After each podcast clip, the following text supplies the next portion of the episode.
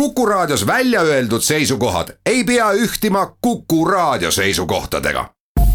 Te kuulate Kuku Raadiot.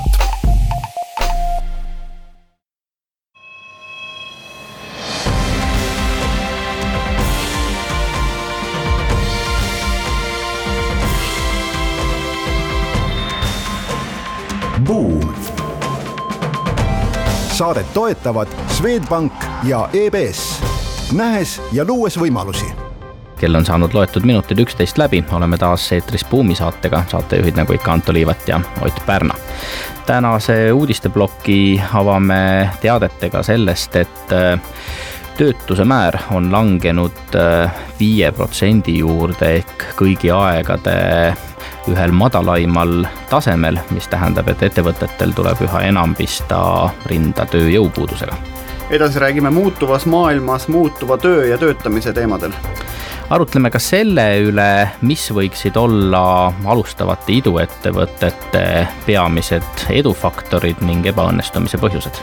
Ja uudisteploki lõpetuseks räägime varastamisest. nimelt, mida paremini saate te läbi oma töötajatega, seda vähem lasevad nad kuundajatel varastada meie tänased saatekülalised on EBS-i ettevõtluse professor Tiit Helenurm ja pikaajalise kommunikatsioonijuhtimise kogemusega Piret Masso, kes aitavad meil ka uudiseid kommenteerida. Pireti ja Tiiduga vestleme saate kolmandas ning neljandas plokis töötajate arendamise ning koolitamise teemadel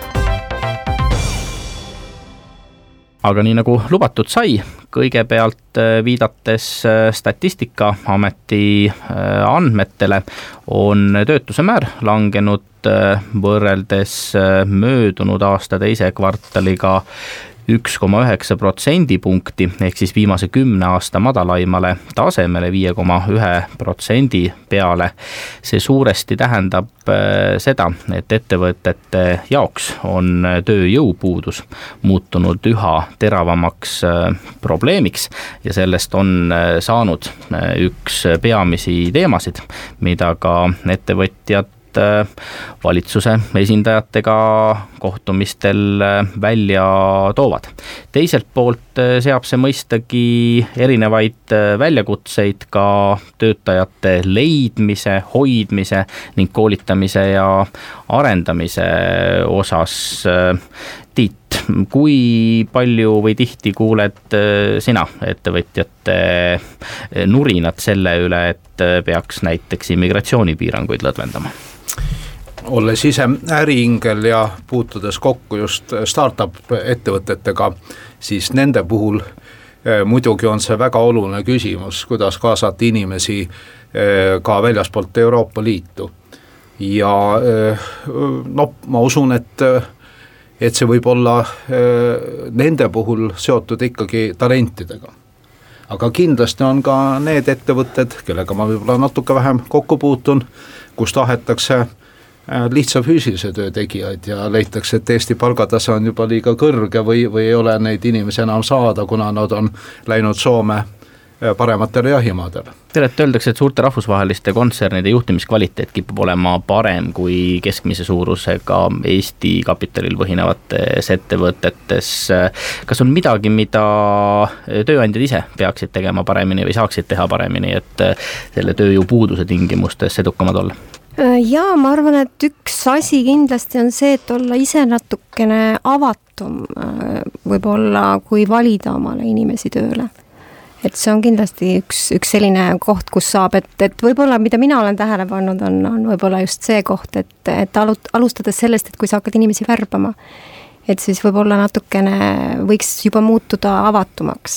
ehk neid ideaalseid inimesi ja, ja neid, kes kohe kõike teavad ja oskavad, ei ole enam saada? Äh, tegelikult on saada kindlasti, aga küsimus ei ole ainult selles, mida nad oskavad, vaid võib-olla küsimus on ka selles, kuidas nad suhtuvad, et, et võib-olla me oleme liiga oskustes kinni ütleme, see absoluutne tööhõive võib öelda jah, ühelt poolt seda näidata, et majandusel peaks nagu väga-väga hästi minema, noh nüüd kui me vaatame sinna Eesti majanduse sisse, on ju, siis ja see absoluutne hõive tähendab ühelt poolt seda, et, et meil on tegelikult ehitussektoris pole enam ühtegi töömeest võtta ja üks päev ma just nägin ühte kraavi, mida üks päev traktor kaevas ja järgmine päev siis mehed lükkasid kinni ja nad, mehed olid küll, ütleme, andku mulle andeks, aga, aga noh, et, et sa, ilmselt seesama seltskond, kes muidu varem poe taga kuskil on olnud, et selle kraavi oleks saanud sama hästi ilmselt ka see traktor kinni lükata tegelikult. et, et ütleme, see absoluutne tööhõive või selle lähedale tööhõive ei tähenda seda, et Eesti majandus on nüüd hirmus keerukas ja kallis ja meie see tooted ja teenused, mis me välja müüme, on nüüd siis sellised maailma tasemel, eks. et kui me vaatame sinna kas või selle inimkapitali ettevõt-, ettevalmistuse poole peale, siis me ju näeme, et meil justkui on nagu seal madaltehnoloogilises töötlevas tööstuses kakskümmend, kolmkümmend tuhat töökohta ja töötajat justkui üle, sama lugu on kõik need lihttööd, mis me räägime, Selveri, Maxima müüjad, eks, et need on ju kõik need, kes on vaja koolitada nii-öelda tuleviku majanduse mõttes nii-öelda kõrgemat kvalifikatsiooni neile anda, eks. noh, samas me teame teadusmahukad turuteenused, kõrgtehnoloogilised teenused, kumbagi sektoris neli kuni kümme tuhat inimest ja töökohta puudu, sama lugu on high-tech, medium high-tech töötlevas tööstuses. nii töökohad kui töötajad on puudu. et see, see nii-öelda selline oskuste ja töötajate disproportsioon võrreldes sellega, milline see unistuste majandus, milliseks me tahame saada, näiteks noh, need numbrid, mis ma võrdlesin, nagu me võrdleme Soomet ja Eestit näiteks, eks mm, -hmm et, et seal on nagu pikk tee minna ja võib-olla siin saate lõpupoole räägime ka selle hariduse ja ümberõppe teemadel laiemalt.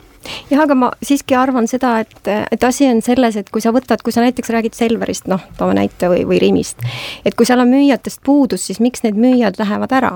ilmselt on küsimus ka palgatasemes, ilmselt on küsimus selles, et me paneme pigem raha sellesse, et me koolitame seda inimest aga võib-olla võiks mõelda, kuidas tegelikult peaks see äri toimima niimoodi, et need inimesed ära ei lähe. kes no, sinna tulevad, noh näiteks. robotkassadega hakkama ilma töötajateta no, või suure osa ja. esimese rinde töötajateta. Lisaks natukene vast naljaka näite, aga ma usun, et paljudel eestlastel on äh, praegu õunauputus ja ja eelmine aasta õnnestus veel kasutada sellist teenust nagu õunamahla pressimine. aga nüüd eile guugeldades tõdesime abikaasaga, et vähemalt Tallinna piirkonnas on see pakkumine kaunis piiratud. et ehk räägime ka sellistest ühe inimese poolt pakutavatest sesoonsetest teenustest. no kui me räägime sellest tulevikutööst laiemalt või noh, selle moodne sõnakõlks, mis iganes diskussioonid kuskil on, siis sellest räägitakse, aga räägitakse tegelikult läbisegi nagu kolmest asjast, et üks pool on jah, see tehisintellekti nagu pealetulek ja kogu see automatiseerimise teema, et lihtsalt selline keskklassi töökoht kaob, eks teine teema on see, et see töö struktuur iseenesest muutub, on need lühiajalised tööotsad, kogu see gig economy või sellised nii-öelda taxify tüüpi tööd, et teed, kui sul jupp aega on, eks, aga, aga selline projektipõhise töö, tööelu. kolmas on siis see nii-öelda sissetulekute tase, et kas seda tüüpi uued tööd, kas nad üldse piisavalt palju sissetulekut tagavad, et pered saavad hakkama. sest me teame, et arenenud maailmas on palga stagnatsioon hästi suur olnud et keskklassi palgad on tegelikult paljuski jäänud samaks ja nende ostujõud on inimestel langenud pigem kui tõusnud, et mis see nagu palga mõttes tähendab ja mis see riikide majandustele tähendab, eks. ja, ja, ja neljas on siis see, et, et see töökoht ise muutub. et, et kui inimene peab töötama siis selle tehisintellektiga koos, mis teeb tema eest ära analüütilise poole, arsti eest tehakse, pannakse diagnoos arsti eest ära suurandmete põhjal, aga arst on see, kes peab suutma selle patsiendi, tema perega suhelda, eks. et mida see tähendab tegelikult selle nagu eesliini töötajatele noh, ütleme sellise, alles jäävad kindlasti sellise empaatilise võime eeldusega töökohad, mida arvuti ei suuda üle võtta. et mida see tähendab, ehk siis kui me räägime tulevikutööst, me räägime päris mitmest eri perspektiivist. Piret, te juhtisite Electroluxis ähm, neljakümne seitsmest tehasest äh, koosnevat tootmisüksuse sisekommunikatsiooni funktsiooni mm, -hmm. kui palju tegelikult selline tööstuse automatiseerimine või digitaliseerimine omas või, või andis tollel hetkel jutuainet? no ütleme, see oli meil kõige tähtsam jutuaine see oli üks põhijutuaine. Ja see ilmselt, see põhijutuaine kestab edasi, sellepärast et see on üks konkurentsieeliseks. aga seal on ka alati omad äh, sellised momendid, äh, mida sa pead nagu jälgima, sest et on olemas ohutus, et kui sa töötad koos kas või tehisintelligent-, intelligendiga, siis sul peab olema ohutus tagatud teistmoodi, kui su ohutus on tagatud siis, kui sa seda ei kasuta. See on nagu esimene asi, mis paneb firmadele või ettevõtetele täpselt samamoodi kohustuse kulusid, kulusid, see annab kulusid ettevõtetele, mul on inglise keel. no praegu räägitakse väga palju, et see tehisintellekt võtab tõesti paljud tööd ära ja noh, siin ja, räägitakse, et aga, mõjutab, mõjutab kuutekümmet protsenti töökohtadest. aga on olemas selliseid protsesse, kuhu sa ei saa panna, esiteks on see, kas on see kulude koha pealt või see on lihtsalt selleks, et see protsess ei lähe produktiivsemaks. ehk siis sellepärast tegelikult on see, et, et seal on võib-olla hirmu rohkem, kui seal tegelikult on.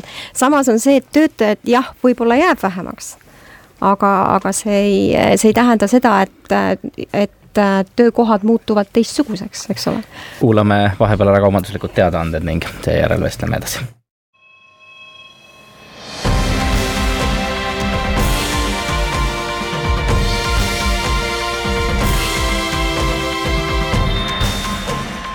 Buum. saadet toetavad Swedbank ja EBS, nähes ja luues võimalusi oleme tagasi Buumi eetris, saatejuhid Anto Liivat ja Ott Pärna. meie tänased külalised on EBS-i ettevõtlusprofessor Tiit Meelenurm ja pikaaegne kommunikatsioonijuht Piret Masso. räägime veel veidi nendest väljakutsetest, mida töö iseloomu muutumine ettevõtjate ette seab, sest siin reklaamipausi ajal tundus, et selle teema väärib edasi lahkamist. Ott, sinu mõte ja rääkisime sellest tehnoloogia rakendamisest ja inimese siis koondamisest selle arvelt, aga tegelikult seda tehnoloogiat on rakendatud mitmes etapis. et esimene etapp oli kogu see tööstusrobotite teema. tegelikult noh, ütleme, muskel tehti suuremaks mm., inimene ei pidanud käega neid autokeresid ja, ja uksi tõstma autole ette, vaid et, et seda tegi siis tööstusrobot. Järgmine oli see, et kus on sellised, ütleme sellised automatiseeritud süsteemid, aga mis olid ette programmeeritavad, kus oli võimalik mm. algoritmi ette kirjutada, noh, klassikaline rahaautomaat, pangaautomaat annab raha telleri asemel sulle kätte, täidab neid käsklusi, mis siis tal on ette programmeeritud, et ta siis teeks, kui teil kontol kas on raha või ei ole raha, tahate näha konto jääki või raha välja võtta.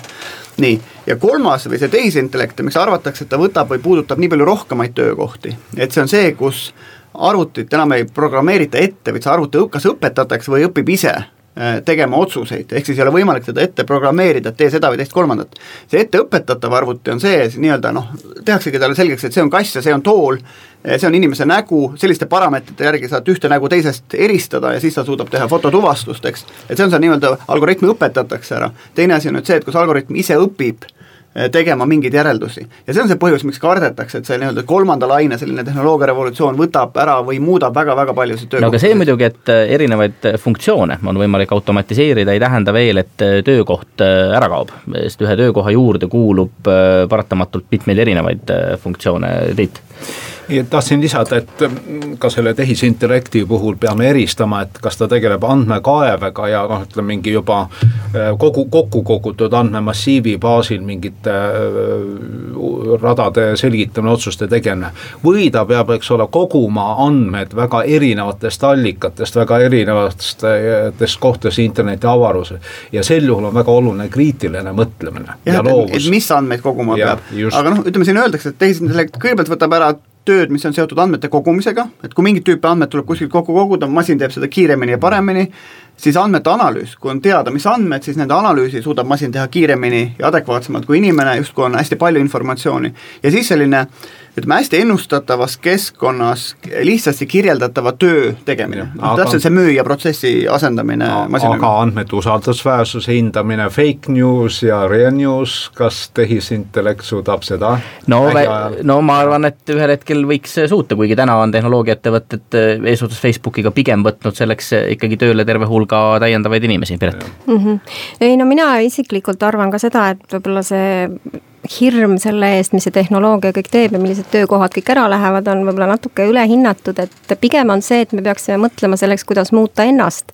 selleks, et olla valmis selleks, et äh, nendesse tulevikutöödesse siis panustada. ja aga vaata, me räägime siin sellisest ütleme, valgekraede teemast on ju, meil on kaheksakümmend protsenti ühiskonnas ikkagi suhteliselt lihtsa töö, töö tegijaid.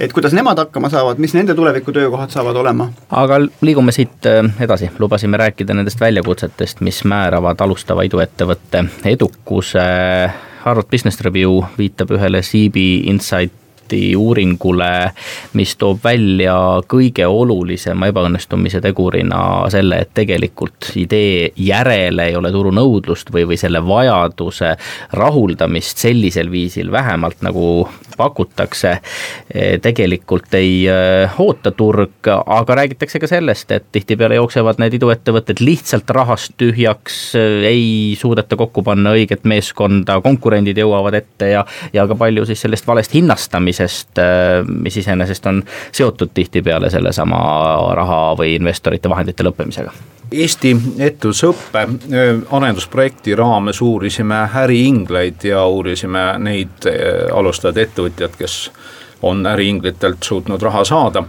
ja siin tuli tegelikult välja mõneti nagu erinev vaade sõltuvalt rollist. äriinglite seisukohalt ongi küsimus selles, et kas nad suudavad turgu testida, kas nad suudavad eh, siis alustada ettevõtjad tõesti valideerida seda nõudlust, et noh, väga lihtne on või arutleda niimoodi abstraktselt, et mitu protsenti Euroopa elanikkonnast vajab toodet, aga kuidas selle protsendini reaalselt välja jõuda. Ja teisalt siis võib-olla noh, äriinglite puhul, nende puhul ikkagi on kogu see arendusprojekt, kogu see investeering alustadusse ettevõtjasse on mingi ajaraamiga. Nad ei taha igaveseks jääda omaniku rolli, noh tahavad väljuda sellest ja vot kuidas õigel ajal väljuda. ja muidugi siin tuues ka enda kogemuse sisse, lisaks sellele uuringule tõesti tiimi kokkusobivus äh, alustava ettevõtte erinevatel etappidel on üks väga oluline küsimus, et üks asi on idee genereerimise etapp, esmase valideerimise etapp ja hoopis kolmas on see, kui tõesti äh, tekib kasvusituatsioon. ja tihtipeale üks ja sama meeskond ei pruugi kõikides nendes äh, faasides olla parim võimalik äh, kooslusasja ja. vedama. jah, see Harvard Business Review's kajastatud uuring räägib sellest, tõesti siin analüüsiti sadat ühte hingusele läinud startup'i. et see nende puhul tõesti oli nelikümmend kaks protsenti läksid põhjusel, et nende turule või nendele teenusele või tootele ei olnud turgu kakskümmend üheksa protsenti läks konkurentsi tõttu, üheksateist, üheksateist protsenti konkurentsi tõttu, kakskümmend üheksa protsenti ehk siis kolmandik jooksis rahast tühjaks ja kolmteist protsenti hinnati, et oli vale ajastus nüüd, et see ei ole turgu, see on hästi loogiline asi, vaata me teame, et hästi palju on selliseid noh, nice to have asju või selliseid mm -hmm. asju, mis, mis võivad olla, aga võivad ka mitte olla. et investor alati vaatab seda, et kas see nagu see toode või teenus, mida see ettevõte, kuhu siis tahetakse investeeringut kaasata, on nii-öelda selline valuvaigisti, et kellelgi on tegelikult ka valutab ja ta tahab seda lahendust saada, või ta on selline nii-öelda vitamiin, noh et ja sellist vitamiiniettevõtet on palju raskem turule lükata, palju kallim, palju rohkem võtab aega ja palju riskantsem on sinna investeerida. Noh, paraku on nii, et nice to have asjade puhul on prototüübi loomine tihti suhteliselt kiire ja, ja päris vajaliku asja puhul võib siin tekkida tehnoloogilisi probleeme ja kõik see esimese noh, töötava tooteni jõudmine võib võtta hoopis kauem aega. Uus-Meremaa teadlased Otago ülikoolist on andnud meile teada, et mida parem on töötajate suhe tööandjaga, seda vähem lubavad nad klientidel poest äh, varastada. ja vähemalt Uus-Meremaal jaekaupmeeste müügikäibest lausa kuus koma kuus protsenti äh, läheb varaste nahka. nii et tegelikult asi, mille peale kindlasti tasub mõelda, kuivõrd töötajad tunnevad, et ettevõte on nende oma ja et äh, see, millega kaubeldakse, tõepoolest nagu justkui kuulub neile see on suhteliselt intuitiivselt arusaadav ka, et, et, et imelik oleks, kui ta oleks teistpidi. et siis need inimesed, kes tööandjaga läbi ei saa, need justkui lasevad vähem varastada ja need, kes siis hästi saavad, lasevad palju varastada. nüüd küsimus, mis oleks huvitav uurida, et kui palju need töötajad ise varastavad. et kumbad töötajad siis rohkem varastavad, kas need, kes tööandjaga hästi läbi saavad või need, kes pigem oma tööandjat vihkavad. sest see teada on näiteks suurtest kaubanduskettidest, et oma töötajad virutavad rohkem kui kliendid. kuulame nüüd ära päevauudised ning seejärel vestleme juba edasi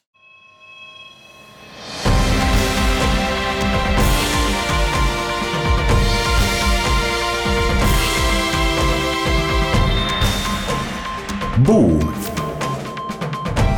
saadet toetavad Swedbank ja EBS, nähes ja luues võimalusi oleme tagasi Buumi eetris, saatejuhid Anto Liivet ja Ott Pärna. meie tänased saatekülalised on EBS-i ettevõtlusprofessor Tiit Helenurm ja kommunikatsiooni eh, juhtimise pikaajalise kogemusega eh, Piret Masso. räägime nüüd eh, töötajate koolitamisest, arendamisest eh, ning sellest, kuidas ettevõtted püüavad koolituse kaudu erinevaid väljakutseid ületada, kui me siin eelmise saateploki lõpetasime viitega Uus-Meremaa uuringule, mis siis ütles, et juhul, kui töötajad saavad tööandjaga paremini läbi, lubavad nad klientidel vähem varastada, siis tõtt-öelda ka koolitus koolituste puhul on siin öeldud, et Eestis püütakse ettevõtetes pigem vaadata teda sellise noh, nii-öelda pingete maandamise ja võib-olla kiire motivatsiooni tekitamise vahendina, aga, aga tihtipeale ei mõelda läbi, et mis on see selline pikaajalisem või strateegiline vajadus oma inimesi äh, õpetada, nendest teatud kompetentse äh, arendada ja, ja, ja milliseid teadmisi, oskusi tegelikult selles ettevõttes võiks äh, kolme või viie aasta pärast vaja olla et kuivõrd te selle kriitikaga nõus olete? ma arvan, et ei ole universaalset ettevõtet, mida vaadata, et kui me vaatame nagu startup'e, noh siin eelmine saade, üle-eelmine saade me rääkisime teemal Airbnb suurandmete analüüsi peal koolitab massiliselt oma töötajaid, juba vist neljandik töötajatest on ära koolitatud, et nad suudaksid siis oma otsu, igapäevaotsustel kasutada siis neid kõikvõimalikke analüütilisi noh, teadmisi.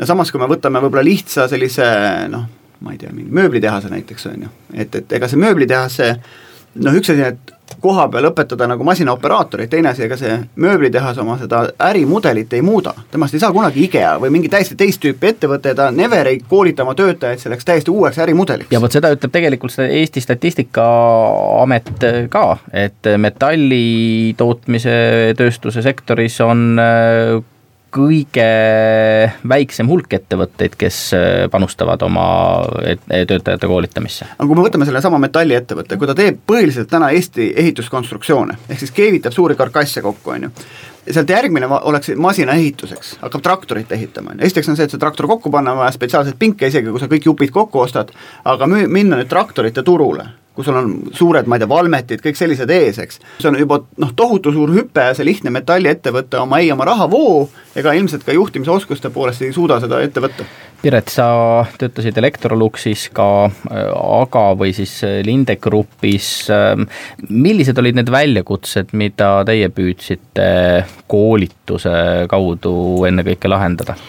Äh, no võib-olla ma siis toon sellise näite, et kuna meil oli liin tootmine oli, oli üks selline, mida me eeldasime, et meie kõik töötajad tehases, kes olid lihttöölised, kasutavad liintootmismetodoloogiat, siis äh, algselt meil oli selline koolitusviis, kus äh, siis äh, äh meie tiim käis ja koolitas igat tehast, igat töötajat äh,, alustades sellest äh, nii-öelda liinist äh,, tiimliidritest. Äh, ja see ei toiminud.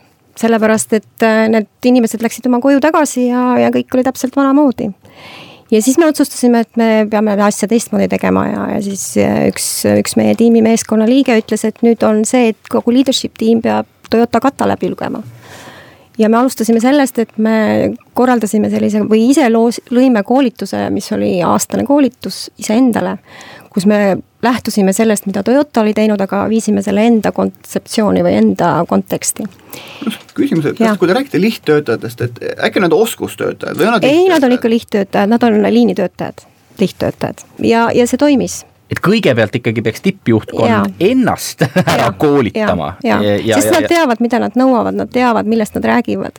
ja see, võib-olla ka see asi, et, et kuna see liintootmine, et seda kasutada, tegelikkuses esialgselt seda sa õpid seda, see võtab rohkem aega ehk, ehk ta on alguses sulle tundub bürokraatia mm. -hmm. aga see, et ta nagu sisse läheks, see tegelikult eeldab seda, et sa seda kogu aeg järjepidevalt nõuad. aga kas poleks olnud kiirem äh, palgata mõni Toyota kogemusega tehasejuht? jaa, aga meil on ühes tehases võib-olla kaks tuhat inimest tööl, kas, kas me jõuame? minu arvates oli see väga hea ja positiivne näide, kus tõesti äh, koolitusprogramm rakendati konkreetse strateegilise muudatuse teenistusse. et Äh, paradoks on selles, et ega neid ettevõtteid väga palju siiski ei ole. Ähm, Estonian Business School osales äh, üheteistkümne riigi äh, võrdlusuuringus no kus me uurisime just nimelt erinevat tüüpi ettevõtteid ja ikkagi noh, väga paljudes ettevõtetes on ühelt poolt on tippjuhi koolitus, aga noh, see tippjuhi koolitus võib-olla on väga lahus nendest muudatustest, mis reaalselt äh, strateegiliselt seal ees seisavad. teisalt on ka selliseid äh, masstootmisettevõtteid, kus mingil määral noh, koolitus on kompensatsioon esmatasandi töötajatele selle eest, et nad peavad tegema rutiinset tööd, eriti noored, et need üldse ettevõttes püsiksid, eks ole.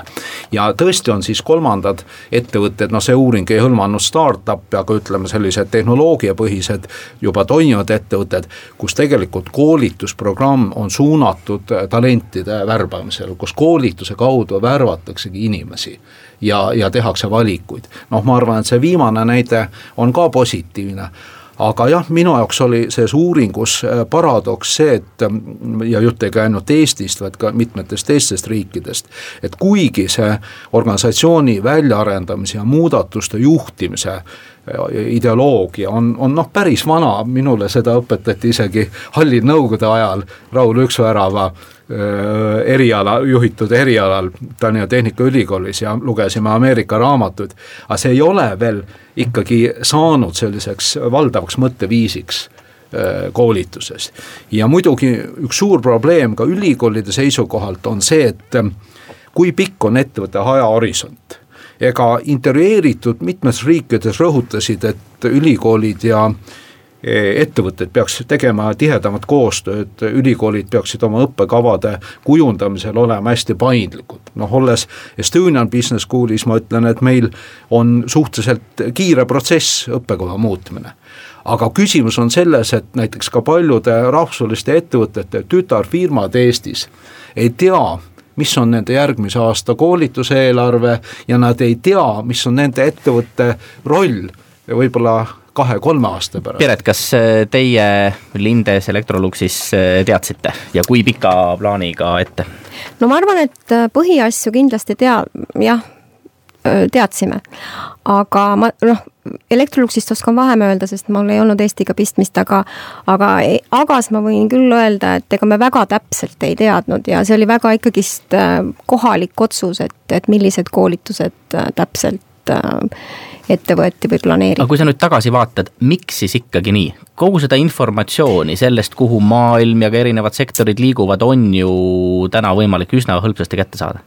ma arvan, et siin on nagu mitu asja, üks asi on kindlasti, mida, millest ma ei saa üle ega ümber, on see keskkond ja kultuur et kui ma toon nagu teise näite, on see, et kui ma töötasin veel Agas ja ma käisin koolitusel kahe tuhandel aastal äh, Rootsis õppimas äh, äh, retail'i ehk siis jaekaubandust ja ma tulin tagasi ja minu ülemus küsis mu käest tagasisidet ja kui ma olin väga entusiastlik, siis äh, ta ütles, et oota, nädala aja pärast sa oled äh, back in the business.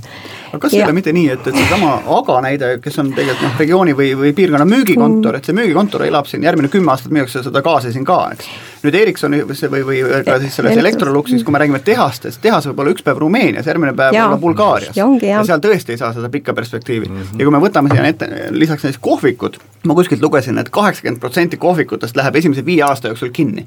et kui pikka vaadet sa seal siis nagu evid, eks selle juures no.. kuulame nüüd äh, ära kaubanduslikud teadaanded ja seejärel vestleme Buumi saates edasi.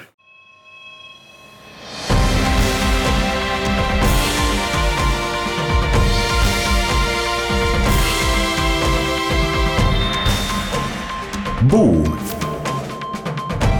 saadet toetavad Swedbank ja EBS nähes ja luues võimalusi oleme tagasi Buumi eetris, saatejuhid Anto Liivet ja Ott Pärna, meie tänased saatekülalised on EBS-i ettevõtlusprofessor Tiit Helenurm ja pikaajalise kommunikatsioonijuhtimise kogemusega tippjuht Piret Masso. Eh, räägime edasi töötajate arendamise ja koolitamise teemadel. Tiit, sa viitasid ühele uuringule, eh, mille läbiviimisel ka EBS osales, tegu siis rahvusvahelise uuringuga, kas Eesti ettevõtted millegi poolest ka heas valguses välja paistsid? jah, see uuring oli ju väga ambitsioonika nimega, ta on Springeri kirjastuse poolt see kokkuvõte ka välja antud, kuidas saaks juhtimisharidus vastata kahekümne esimese sajandi väljakutsetele. ja nagu ma juba mainisin, et noh, tõesti mitmetes riikides need väljakutsed kippusid olema hästi lühiajalised. kui nüüd vaadata Eestit kõigepealt, siis jah, eks jooksis natuke läbi ka seesama akuutne teema, et aktsiisid muutuvad ja turusituatsioon seetõttu ja noh, eeskätt see jooksis läbi hulgi- ja jaekaubanduse poole pealt. Aga tervikuna võib siiski öelda nii, et noh, Eesti ja Sloveenia olid need riigid, kus ka ettevõtte vaates selline mulje, et ikkagi mingil määral on seda koolitusstrateegiat mõtestatud, et sellel koolitusel on oma traditsioonid, eks ole, ka Sloveenias ja Eestis ja ikkagi võib-olla sellised noh, sisepoliitilised mängud ei mõjuta kogu seda ärikeskkonda ja koolitust nii palju kui näiteks Ungaris eh, või ka Poolas ehk sa viitad siis tegelikult sellele igipõlisele konfliktile, kes lõpuks otsustab, kes millisele koolitusele minna saab ja kui suures ulatuses ettevõte on nõus tema koolitust kinni maksma? seda ka, aga mitte ainult, eks ole, et kui nüüd noh, ettevõtetele tundub, et mingid poliitilised mängud väga järsult muudavad ärikeskkonda, eks ole, siis ka nende mõte, üks võtmeisikute mõte on suunatud Äh, pigem sellele, et kuidas teha poliitikutega lobitööd mm. ja kuidas midagi välja rääkida, nad ei usu sellesse, et et äh, ise targemaks saades näiteks strateegia osas või ka näiteks mingite digilahenduste osas oleks võimalik oma positsiooni parandada. jah, ütleme teema, millest me üldse siin ei jõudnud rääkida, on kõikvõimalikud need oskused, mida see inimene vajab siis, et seal tuleviku ma-, majanduses ja, ja tööelus hakkama saada. et, et kas või seesama projektipõhise tööga, mida me paar saadet tagasi oleme siin arutanud, eks aga me pidasime siin Swedbanki eestvõttel Arvamusfestivalil ühte arutelu tulevikutöö ja demograafia teemadel ja seal tuli nagu kokkuvõttena selliseid igasuguseid asju välja, aga aga üks teema oli see, et miks mitte lubada, võimaldada, motiveerida igaühe õppepuhkust. Mujal maailmas on, näiteks Hongkongis, Singapuris on niimoodi, riigiametites on niimoodi, et iga nelja aasta tagant inimene saabki minna kuuks ajaks nii-öelda sabatikalile, kus tal on kinni makstud koolitus, mille järgi ta tõenäoliselt vahetab töökohta. Aga inimene saab äh, nii-öelda iga nelja aasta tagant tegelikult oma kvalifikatsiooni, motivatsiooni nii-öelda astmega üles tõsta, üksteiselt õppida, kolleegidelt õppida, noh EBS-is on executive MBA, kus terve aasta otsa, on ju, tegevjuhid tulevad, koguvad motivatsiooni ja kogemusi, et aga, aga see on tegelikult iga töötaja õigus ja võimalus, kui me tahame tõesti nagu noh, ütleme, kas me räägime avalikust sektorist, siis nii-öelda in corpore ennast nagu Münchhausenina kõrgemale tasemele tõsta või, või, või räägime erasektorist. Piret, millised äh, veel rahvusvahelistes kontsernides võiksid olla mõned huvitavamad praktikad, mille kaudu püütakse inimesi tulevikutöö tarvis ette valmistada? Ma arvan, et kõige tähtsam on see, et inimesi püütakse ette valmistada selleks, et muutus on tulemas ja et see on üks osa meie igapäevaelust. Ehk siis äh, ma arvan, selline õppiv organisatsioon ja, ja üldse õppimine kui selline, et, et äh, lubatakse teha vigu, sest vigadest õpitakse, analüüsitakse neid.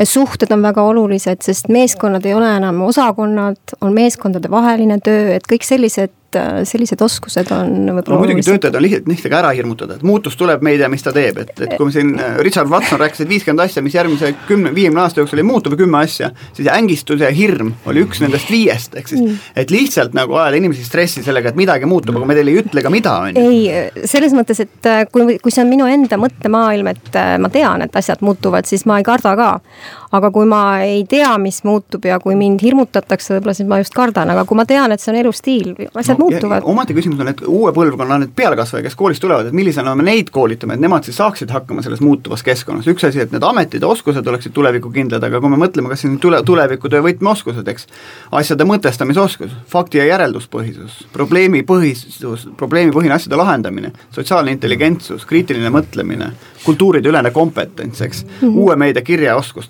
transdistsiplinaarsus, me suudame eri valdkondi kokku panna. et terve rida selliseid ja. oskusi, et ükskõik mis eriala me läheme õppima, me ilmtingimata ja. neid ei saa. nüüd on küsimus, et kust noor need saab, kas ta ei võiks üldhariduskoolist juba saada?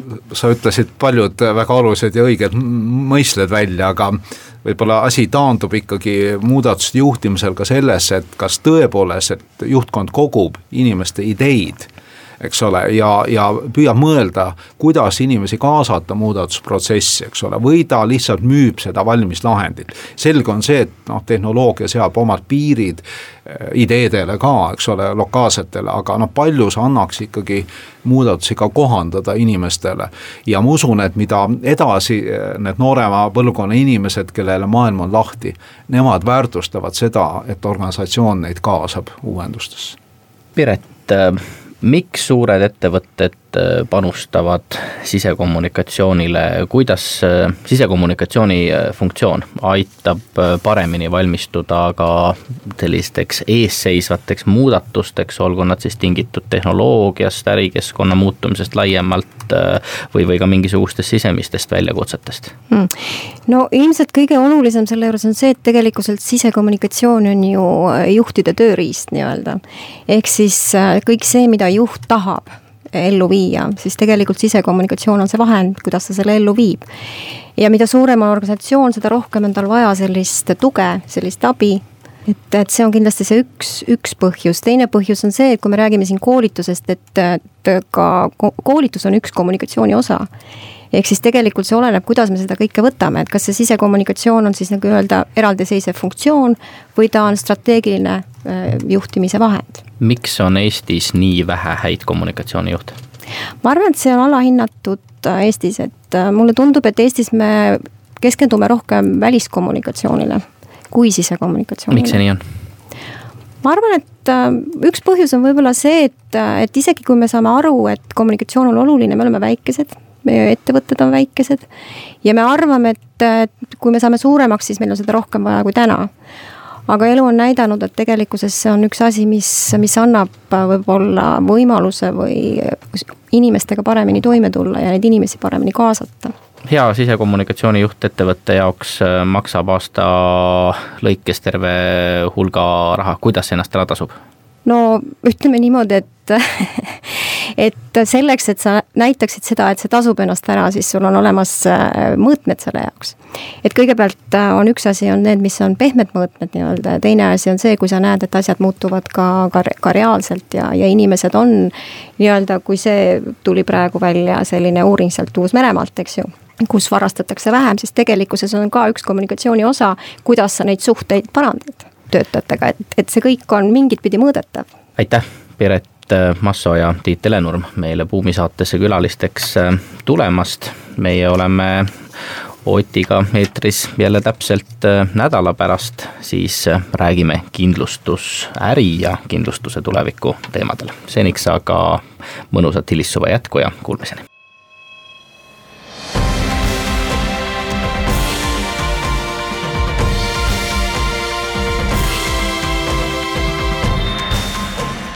Buum. saadet toetavad Swedbank ja EBS, nähes ja luues võimalusi